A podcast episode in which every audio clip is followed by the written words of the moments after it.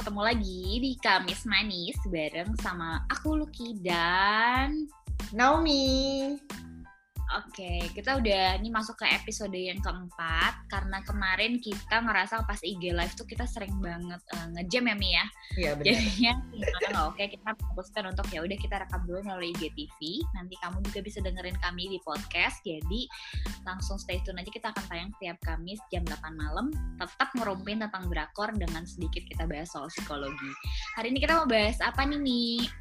Hari ini kita mau bahas tentang hospital playlist karena nanti malam episode terakhirnya di season 1. Nanti bakal ada season 2 dan season 3 sih. Tuh. Dan kabarnya tayangnya 2 jam. Oh, itu tuh antara uh, seneng ah dua, tapi dua jam tuh kayak lama tapi kalau diingat-ingat lagi sebenarnya satu jam aja tuh sebenarnya uh, pas ya kemarin ya kita nggak bosen. Bener, jadi gue rasa sih dua jam ya we'll see lah ini sebenarnya 13 episode yang dikompres jadi 12 episode. sebenarnya gue juga bertanya-tanya kenapa nggak sekalian aja 13 episode ya kenapa Iya benar-benar.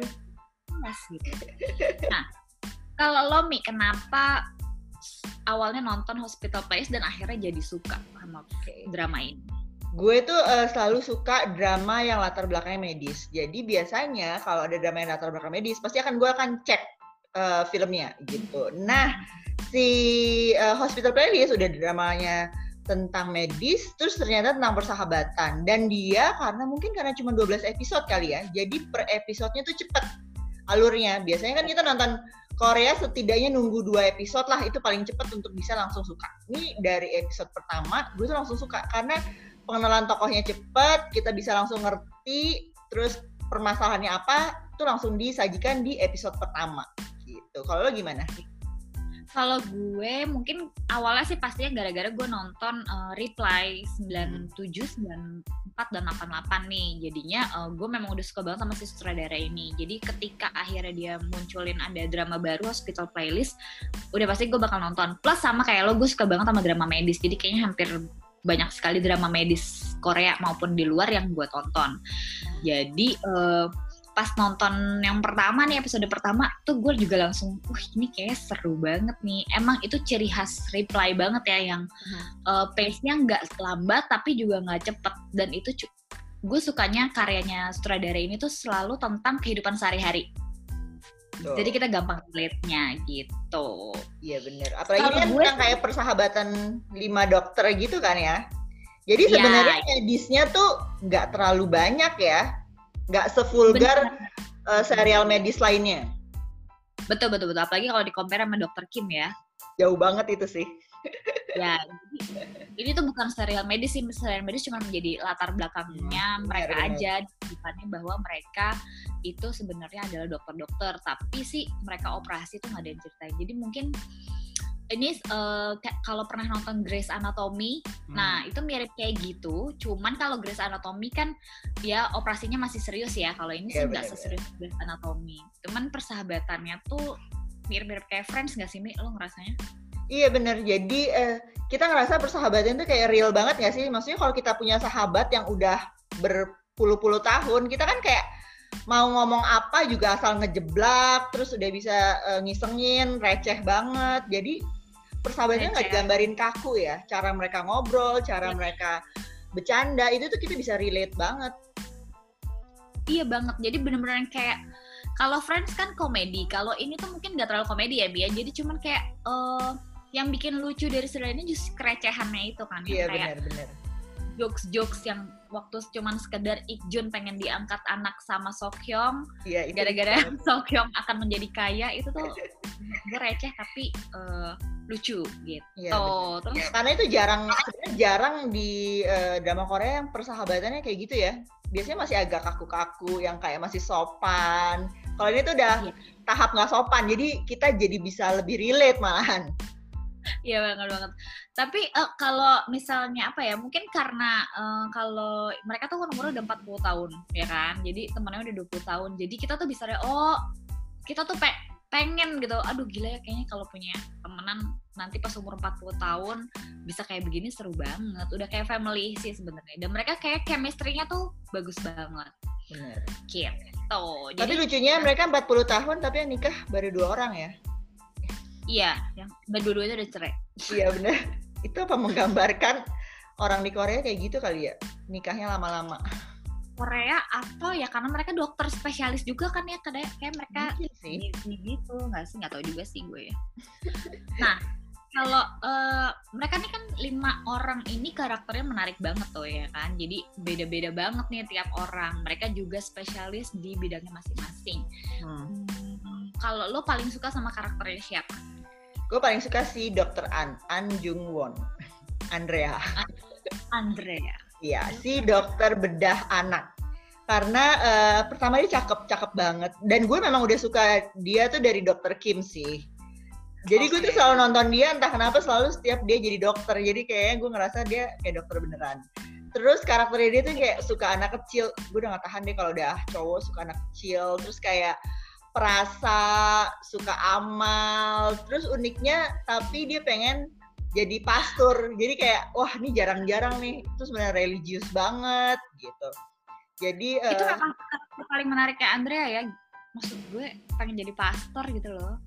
iya pengen jadi pastor itu lucu banget sih. Maksudnya belum ada ya karakter kayak gitu ya. Iya makanya. Aduh lucu banget. Itu Nah. kayak satu satu keluarga Mami Rosa semuanya pastor soalnya kan. banget dan dan lucunya Mami Rosanya juga lucu gitu orangnya kalau lo sendiri lo suka Bener-bener. karakter siapa Kalau gue sih suka Ikjun.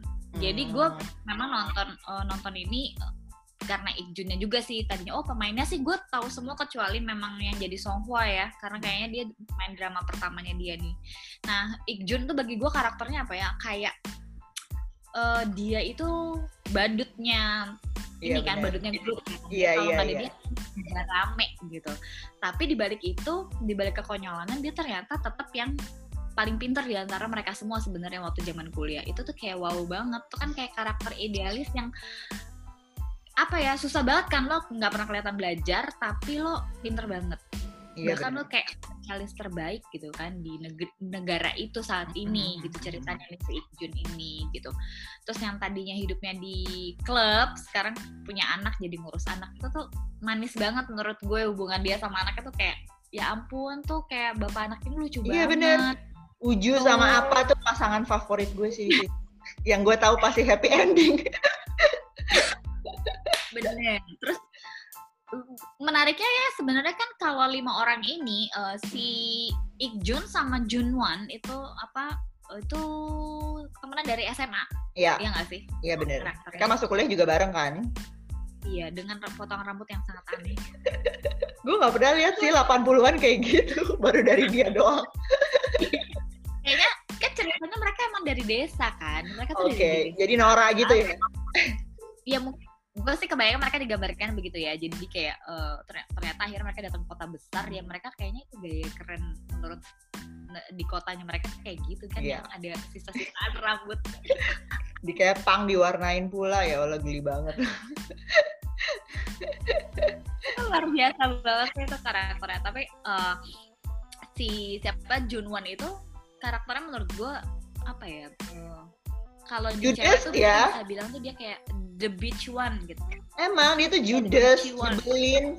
Kalau ngomong tuh straightforwardnya tuh tajam gitu. biasa luar biasa. Dia kayak terkesan tidak punya empati. Ya pokoknya gue Iya, ngomong aja terserah lo mau sedih mau kesel sama gue bodo amat. Pokoknya gue sudah mengatakan sejujurnya.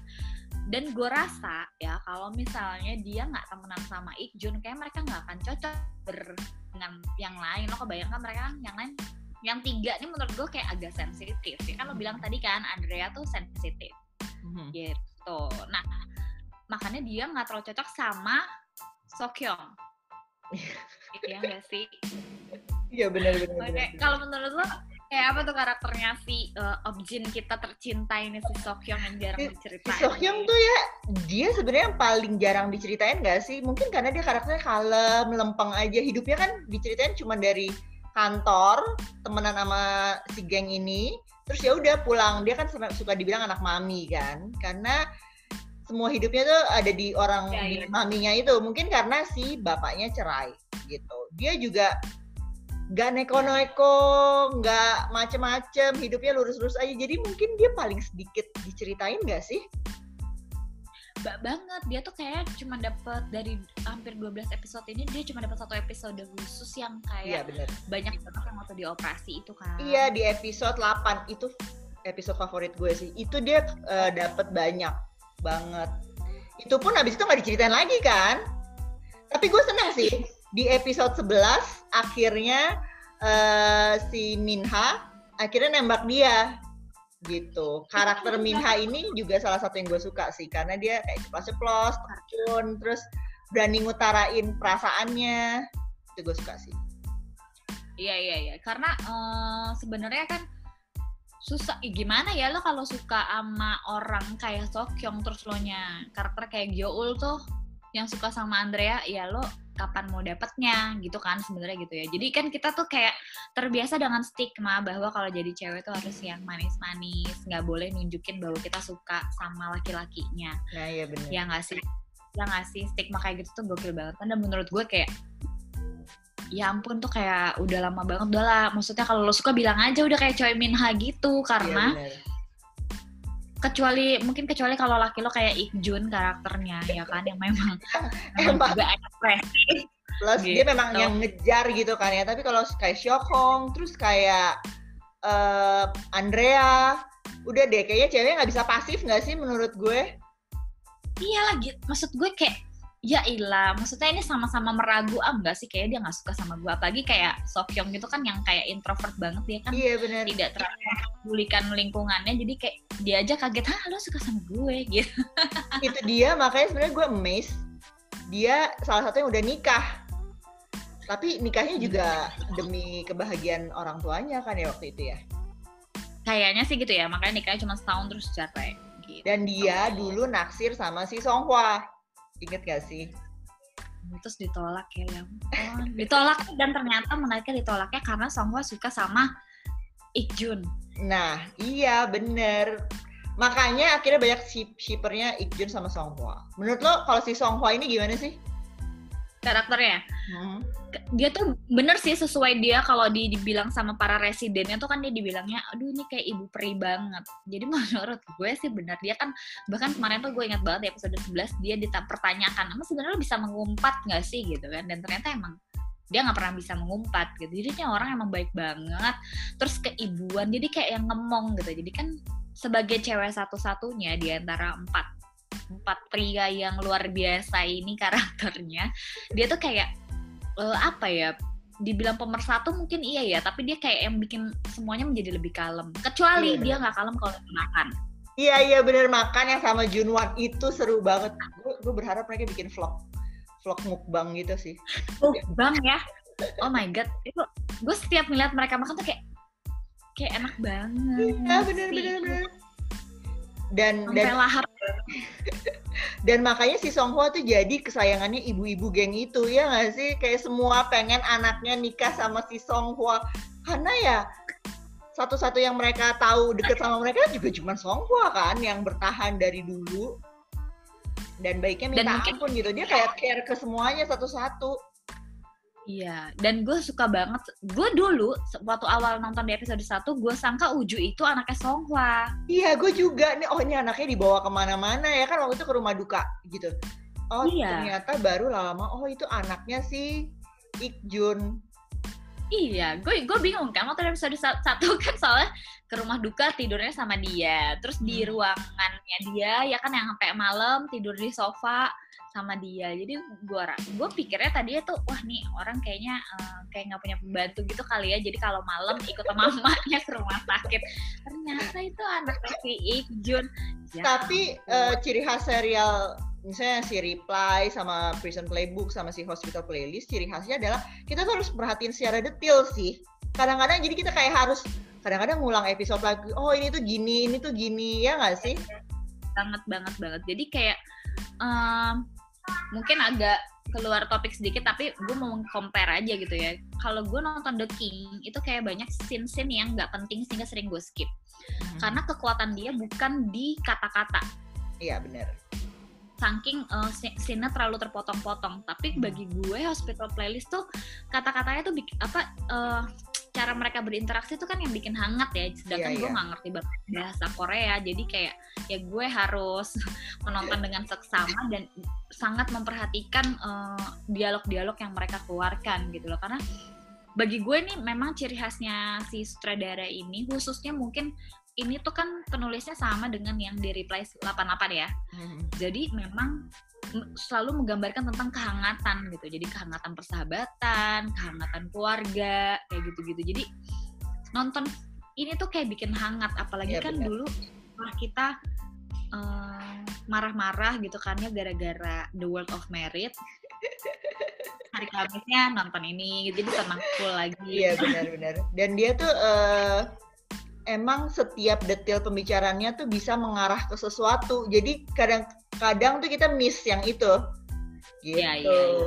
nah kan uh, ini udah mau berakhir terus kan awalnya nih uh, kisahnya tuh kayak persahabatan pure persahabatan selama lama makin ke sini kita mulailah digiring ke kisah percintaan mereka akhirnya ya. mereka udah mulai berpasang-pasangan nih Pasangan favorit itu siapa? Ah, kenapa Mi? Pasangan favorit lo siapa di situ? Pasangan favorit gue itu adalah eh nggak boleh milih Ikjun sama Uju ya. Boleh, itu gue itu pasangan favorit gue.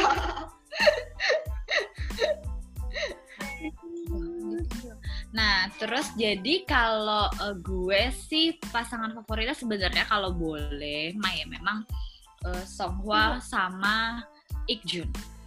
Ah. Kayaknya mereka perfect aja gitu kan kalau bisa jadi bareng-bareng sama-sama cinta pertamanya masing-masing. Terus mereka mereka sudah kenal satu sama lain lama. Maksudnya gue tuh kayak suka dan apa ya si Song Hwa-nya juga udah ngurusin anaknya gitu kan jadi ujungnya deket juga sama dia kayaknya tuh nggak akan ada terlalu apa halangan besar kalau sampai mereka nikah gitu loh iya benar-benar gitu. kalau gue kalau gue gue tuh uh, belajar dari pengalaman sebelumnya kita tuh nggak boleh terlalu nge-ship di uh, drama ini nggak sih soalnya uh, penulisnya tuh suka bikin kejutan gitu loh Bener, bener, bener, bener, bener. Jadi dari episode pertama gue tuh udah berusaha menata hati. Yang penting pokoknya geng ini bertahan aja gitu. Tapi uh, gue suka si Ik eh Iksun sama Junwan. Oh kenapa? Dia lucu gitu. Maksudnya gara-gara mereka pacaran, gue bisa ngelihat sisi lain dari uh, Junwan yang nggak kelihatan pada saat dia jadi dokter dia kan kayak judes nyebelin gitu oh, ternyata iya. pas dia pacaran itu kayak bucin banget gitu loh yang kayak oh dia bisa ada sisi lembutnya ada sisi sensitifnya jadi kayak ngelihat uh, hal baru dari si Junwan gitu dan plus karena mereka udah jadian jadi kan gue nggak perlu ketar ketir ya walaupun kayaknya kemungkinan bisa putus sih. Iya sih. Eh bentar bentar ya. Sorry sorry sorry. Anak gue pengen nempel biasa. Nggak bisa ngeliat emaknya di laptop. Nah uh, tapi sebenarnya pasangan kesayangan pemirsa tuh si Winter Garden ini nggak sih mungkin karena belum jadian kali ya mereka masih berharap bahwa si Andrea nggak jadi pastor iya benar supaya jadi jadi uh, lebih baik mereka dia jadian sama Gyoel gitu kan. Iya iya iya benar lo mendingan sama Gyoel apa jadi pastor? Eh, nggak uh, dua-duanya sih sebenarnya tapi ini gue berharap endingnya ya. Gue berharap endingnya si uh, Andrea akan masuk seminari. Karena kan dia pada dasarnya dia penasaran kan setiap tahun dia ngerengek pengen jadi pastor. Karena dia nggak terlalu empati lah jadi dokter ini setiap ada yang meninggal dia tuh kayak nangis-nangis gitu. Jadi ya, gue pikir ya. oh dia keinginan jadi pastornya udah dari kecil nggak sih? Iya, kalau dari episode 11 gue juga baru tahu ternyata dia dari kecil pengen nah, jadi pastor.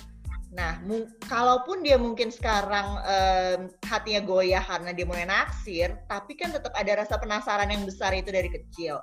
Jadi buat gue ya udah masuk seminari aja, baru ngerasain susahnya di sana, baru ngerasain sebenarnya passionnya tuh ke mana nih, beneran jadi pastor atau sebenarnya deket sama anak kecil jadi dokter, terus uh, mungkin nikah, punya anak sendiri, baru habis itu mungkin dia bisa keluar dari seminari jadi dokter lagi deh, ya nggak sih? Gue sih setuju ya karena um biarin aja lah namanya juga orang penasaran kan. Jadi uh, gue sih pengennya nih jadi nanti di season satu ini terakhirnya dia pokoknya pergi seminari tapi nanti pas sudah season 2 akhirnya dia kembali karena akhirnya memutuskan bahwa passionnya adalah menjadi dokter anak iya benar itu menurut gue lebih make sense sih ya nggak sih iya banget jadi nggak akan ada lagi drama-drama dia pengen jadi pastor di season 2 gitu. Jadi dan itu jadi iya benar benar. Benar benar. Dan kita jadi lebih bisa ngerti oh kenapa ya dia akhirnya uh, balik sih ke Goi siapa nama ceweknya itu? Youl ya nggak sih? Karena kan keinginan diri pastor udah terlalu besar. Kalau dia tiba-tiba cuman gara-gara cewek dia nggak jadi pastor menurut gue itu malah lebih aneh sih kalau sampai kayak gitu. Iya benar-benar benar karena kan ya namanya juga keinginan dari kecil ya. Biasanya hmm. nih ya kalau secara psikologisnya kan gitu ya Mi ya jadi kalau kita punya cita-cita dari kecil apalagi yang nggak berubah kalau menurut cerita di drama ini ya kan keinginannya si Andre ini nggak pernah berubah dia dari kecil selalu ingin jadi pastor. Hmm. Cuman kebetulan dia menemukan alternatif kerjaan lain yaitu menjadi dokter anak gitu kan. Karena nggak direstui Mami Rosa juga kalau dia jadi pastor kan ya Bo anak cuma lima empat udah jadi pastor masa sebentar dia hidup sendiri ya kan ya, bener. bener. gitu udah gitu dia anak paling kecil paling ganteng pula gitu paling baik pula anaknya. Dan lebih make sense aja sih untuk dibuat cerita lanjutannya di season 2 dan season 3 ya nggak sih? Kalau dia sekarang udah nggak jadi pastor ya udah season 2 nya apa? Hubungan percintaan dia sama Gyool gitu. Ya nggak sih? Iya iya. Banget banget banget Iya ya, terus yang menarik tuh juga ini ya, Song Hwa itu akhirnya memutuskan untuk pindah ke Sokcho. Walaupun sebenarnya oh, kemarin tuh ada yang bilang ke gue, oh ya dia kayaknya ke Sokcho itu karena uh, eh sebetulnya Sokcho apa Sokyo, Soko ya, pokoknya itulah ya ke desa itu karena dia menghindari Ikjun. Mm-hmm. gitu kan ya kalau bagi gue sih sambil mengingat-ingat lagi yang episode sebelumnya sih dia antara dua ya uh, memang dia dari dulu kan memang pengen pindah ke situ kan ke Soko yeah. itu kan. Uh, supaya dia memang pengen tenang aja nggak terlalu banyak uh, harus membedah orang jadi dia bisa lebih menikmati alam. Dia kan suka banget camping. Hmm. oh iya benar benar benar. masa kita yang ini dia nggak baru buka tenda ada udah langsung bedah Yoi gitu kan. Mungkin kalau di desa dia akan lebih bisa menikmati itu. Walaupun kalau menurut lo gimana mungkin gak sih beneran karena lagi menghindari Ikjun gitu? Mungkin sebenarnya dia bukan menghindari Ikjun sih, cuman dia belum mengambil keputusan dia memilih si Ikjun atau si dokter magang itu.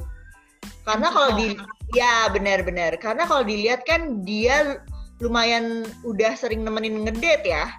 Jadi kan kalau dia udah mau ngedate sama si dokter magang ini, berarti kan sebenarnya dia sudah ada hati lah dikit-dikit. Tapi mungkin dia masih ada sisa-sisa sukanya sama si Ikjun gitu. Jadi uh, sekarang udah mulai ekspresiin perasaannya kan? Dia udah pernah ngedate sama An Hong. Bukan waktu itu juga hitungannya paksa ya. tetap ya, ya, tapi kan dia tetap mau. Pokoknya ngedate ya, dia kan, uh, makan dia kan berdua. Ya, Ibu Pri mah nolak sih sebenarnya. Gitu. Dan dia juga nggak pernah nolak secara tegas sih si dokter magang ini. Ya. Jadi si dokter magang ini pun jadi punya rasa yang gitu ya. Iya, makanya si dokter magang ini pas yang mereka makan bareng sama si Jun juga jadi bisa straightforward nanya ke Ikjun lo masih suka nggak sih gitu ya nggak sih? Karena kalau gue kan suka gitu. Dan itu si tuh momen yang momen yang kayak ya ampun ternyata dia selama 20 tahun belum move on. Iya bener dan si Song Hwa-nya juga bingung ini beneran beneran atau lagi mabok atau gimana? Karena ngomongnya kan pas lagi mabok kan jadi kayak ini serius atau nggak serius sih? Gitu. Tapi uh, pas mereka yang di karaoke dan akhirnya si Ikjun nyanyi nyanyi perasaannya itu loh. Itu kayaknya si Songhwa tuh udah kayak serius deh. Aduh aduh ya Allah. Itu tuh berasa banget ya. Mungkin karena aktingnya bagus juga ya. Gue berasa banget tuh sedihnya. Aku kesian banget sih. iya benar tapi mungkin si Songhwa mikir kalau mereka jadian jadi awkward gitu mungkin kali nggak sih karena mereka udah lama kan sahabatannya gitu. Kalau iya, kita iya. naksir sahabat kita sendiri kan antara pengen iya, pengen jadian, tapi takut ngerusak persahabatan, akhirnya jadi ragu-ragu kan biasanya. ya ya bener bener bener bener bener bener banget tuh kayak gitu karena uh, tapi dari dari drama ini tuh akhirnya gue belajar ya kita kan dari dulu selalu berdebat bahwa mungkin gak sih cewek sama cowok tuh temenan hmm. aja. Gitu. Kalau gue pribadi dari drama ini kita tuh jadi belajar bahwa mungkin aja gitu. Tapi kalau udah lama memang nggak mungkin kalau sama sekali nggak ada rasa ternyata. Bener, pasti ada rasa dikit entah itu naksir naksir flirting flirting tuh ya. pasti ada. Nggak harus pacaran sih nggak harus jatuh cinta. Tapi nah, tapi gitu. intensitas kita ketemu sering semakin kenal kita kan pacaran pengennya sama yang udah nyaman. Jadi ya mungkin aja sih menurut gue. Iya jadi justru gue jadi merasa bahwa oh bener juga tuh teori. Gue waktu itu pernah punya teori mi. Jadi kalau dalam hubungan romantis gitu ya cewek cowok gitu kalau namanya kan adalah kalau orang Jawa tuh witing tresno jalarani soko kulini hmm, ya karena sering ketemu jadi jatuh cinta. Nah ya itu penggambarannya. Jadi bukan nggak mungkin cewek sama cowok itu hanya berteman tapi ketika sering ketemu dan lama ya akan sulit juga mencegah tumbuhnya perasaan bahwa lo naksir oh ternyata nih temen gue keren juga ya ya. Tapi nggak berarti juga harus lo jadiin pacar gitu kan. Itu kembali lagi itu kepilihan. Akhirnya lo bisa mau menekan perasaan itu dan lo pacaran sama yang lain dan tetap temenan aja atau ya udah jadiin aja sekalian gitu. Nah mungkin itu yang akhirnya jadi pemikiran si Song Hwa nggak sih? Ya sedekat-dekatnya kan tidak segampang itu jadian sama sahabat sendiri kan? mungkin itu yang Bang. ini apakah akan bikin canggung atau nanti akan merusak persahabatan toh setidaknya dia juga harus mikirin perasaan si Sokyong kan mau nggak mau kan dulu kan pernah naksir nggak tahu ya, sekarang naksir atau enggak sih cuman kan pasti banyak pemikiran itu yang bikin mungkin si Song Hwa mendingan melipir dulu deh menjauh dari mereka untuk lebih memproses hatinya tuh gimana sih ya nggak sih Benar. Tapi kalau menurut gue malah akan menjadi lebih menarik kalau si Song Hwa ini tiba-tiba jadiannya sama Junwon gak sih? Boh, kenapa sama Junwon?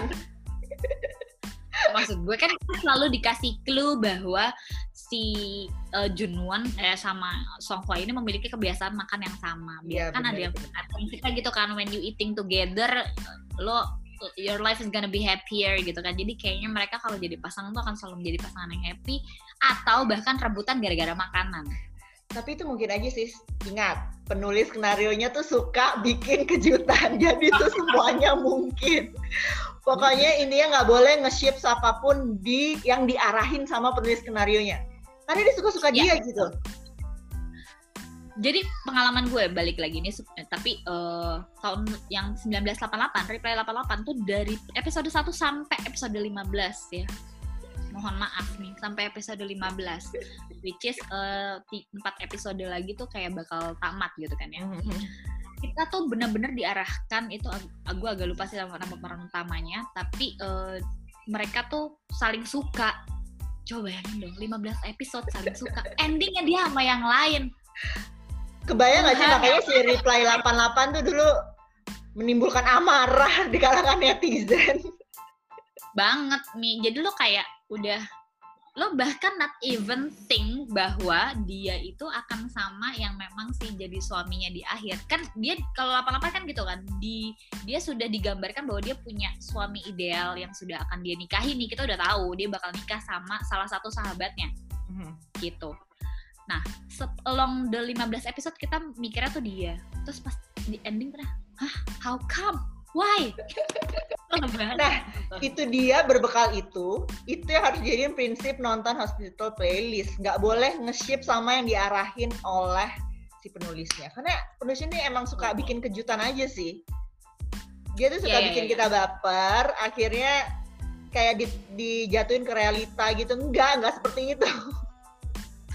Banget banget. Nah jadi seperti judul kita sekarang kita udah menemukan judul ya. Sekarang kita kan gak hanya sekedar kamis manis tapi kita lagi ngebahas nih soalnya gara-gara drakor. Jadi kita akan bahas nih uh, jadi gara-gara drakor yang satu ini itu apa sih yang kita dapat nih dari drakor ini? Nih kalau gue gue dapetnya gini nih. Jadi soal ending gue yakin kalau gue pribadi gue yakin ini akan gantung karena ini udah disiapin nih ini akan sampai season 3 ya. Kalau nggak gantung orang nggak akan curious lagi nggak akan penasaran lagi untuk nonton season selanjutnya. Jadi gue hampir 90% yakin ini bakal gantung.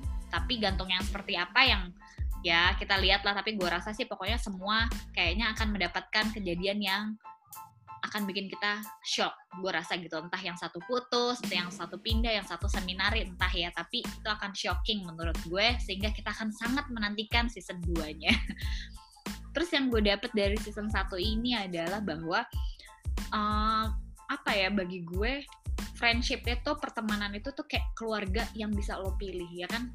Lo lahir lo nggak bisa milih keluarga lo gitu. Jadi lo terima aja sama apa yang sudah diberikan Tuhan. Tapi dengan punya sahabat kayak mereka gini lo kayak lo bisa milih nih oh ya nih keluarga gue gitu. Itu yang gue dapet dan gue suka banget sama persahabatannya mereka. Kalau lo apa mi? Gara-gara drakor yang satu ini lo jadi gimana? Uh, kalau gue uh, untuk endingnya sendiri ya sama kayak lo karena masih ada tiga season. Jadi gue akan pasrahkan apa pun yang dikasih oleh si penulis skenario pokoknya terserah yang penting uh, apa sama Uju happy. Yang lainnya terserah. Karena uh, gue yakin itu akan shocking sih. Plus ngeliat preview episode 12 itu kayak nggak ada ketawa-ketawa ya. Banyakan nangis ya. Jadi udah siap kalau itu harus entah open ending entah set ending entah seminari entah putus gue udah siap gitu. Terus um, dan gue suka serial ini karena relatable. Jadi apa pun yang disajikan sama serial ini itu tuh uh, bisa gue koneksiin ke hidup gue gitu. Bahwa kita hmm. itu tadi persahabatan tuh bisa berlangsung langgeng dan nggak harus uh, posesif gitu nggak sih? Mereka tuh uh, masing-masing ngejar karirnya masing-masing uh, dan nggak ada ngejudge satu sama lain. Makanya itu yang bikin mereka jadinya langgeng. Di mana pun mereka ya, butuh akhirnya mereka ada untuk satu sama lain tapi nggak harus yang kayak 24 jam harus sama-sama harus saling teleponan mungkin karena mereka juga udah dewasa ya udah 40 tahun dan punya kehidupannya sendiri-sendiri ya betul betul juga nggak bikin mereka kayak harus curhat semua masalah hidupnya jadi ada rahasia-rahasia ya. pun yang mereka nggak tahu jadi gue suka karena mereka hmm. hargai privasi masing-masing kasih space tapi juga selalu ada kalau dibutuhin satu sama lain. Gitu. Ya betul. Itu itu kayak itu yang part paling kerennya ya. Maksudnya mm -hmm. mereka tuh nggak tiap hari bisa makan bareng, padahal satu rumah sakit. Tapi ya, ketika udah ada yang kesusahan, mereka jadi skala prioritas mereka tuh benar-benar kelihatan banget adalah profesi terus temen. Mm -hmm.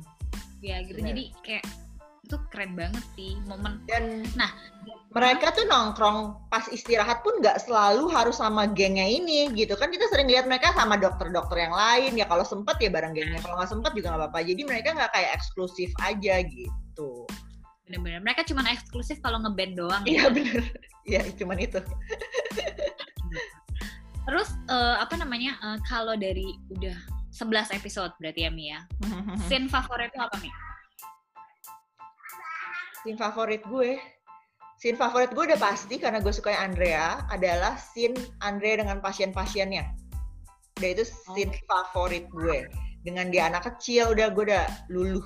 Itu scene favorit gue. Sama semua scene ngebandnya mereka. Betul betul betul betul. Kalau lo apa? Kalau gue selalu menanti ngebandnya. Jadi kayak um, kayak seru banget kayak setiap lo habis eh, melepas penat terus lo jadinya uh, abis itu ngeband gitu ya kan. Mm -hmm. jadi kayak ya udahlah kita relax time. Sama kalau gue scene gue yang terbaik itu gue suka banget pada saat kemarin sebenarnya pas lagi sendu-sendu. Yang khususnya Junwan dan Iksun oh. Jadi kan kemarin gue sempat ngebahas tentang cinta dewasa tuh. Nah si hmm. Junwan ini menurut gue tuh kayak best boyfriend banget gitu. Banget. jadi lo mengerti keinginannya Iksun gitu kan. Dia nggak mau dilamar.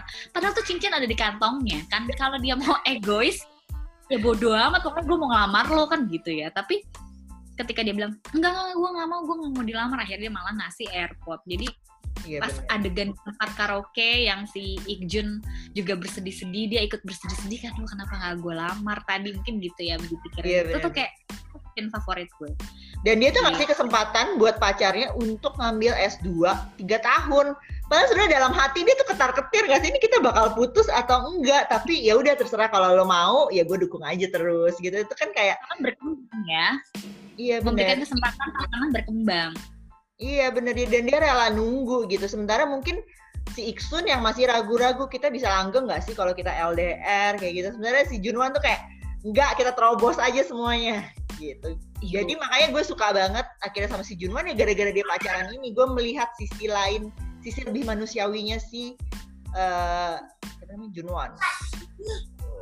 Iya, jadi jadi emang emang emang menurut gue ya dari bulan kemarin dari sekian banyak uh, ongoing drama yang berbarengan dengan Hospital Playlist waktu itu gue sih memang akhirnya menjatuhkan Hospital Playlist ini sebagai best drama buat gue. Gitu. Ya benar. Walaupun yang ongoing ini juga banyak yang bagus ya Mia. Uh, setelah The King. oh nggak, The King nggak masuk hitungan, mohon maaf. Jadi uh, ongoing yang baru dua episode dua episode kita tonton ini. Nah iya iya iya, gue seneng. Eh, nah, sekarang lo lagi nonton apa? Sebelum kita berakhir, kita mau kasih teaser kita nonton apa sih? Oke, okay, kita eh kita, gue dulu. Gue sih lagi nonton Dinner Mate. Gue suka hmm. banget. Dua episode pertamanya tuh manis. Gue senyum-senyum gue suka.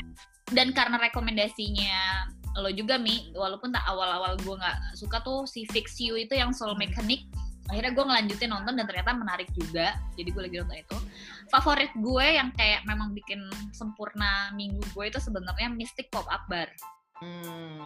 itu tuh lucu banget Sung Jae itu memang the best dan gue suka banget karakter uh, si tante itu di situ Oh, okay. Terus ya gue lagi nonton uh, yang internship pakai Jin ih banyak ya ternyata gue nonton ya terus kemarin gue nyobain nonton Sweet Manchis tapi gue nggak terlalu suka Oh. Itu sih kayaknya lima, lima itu.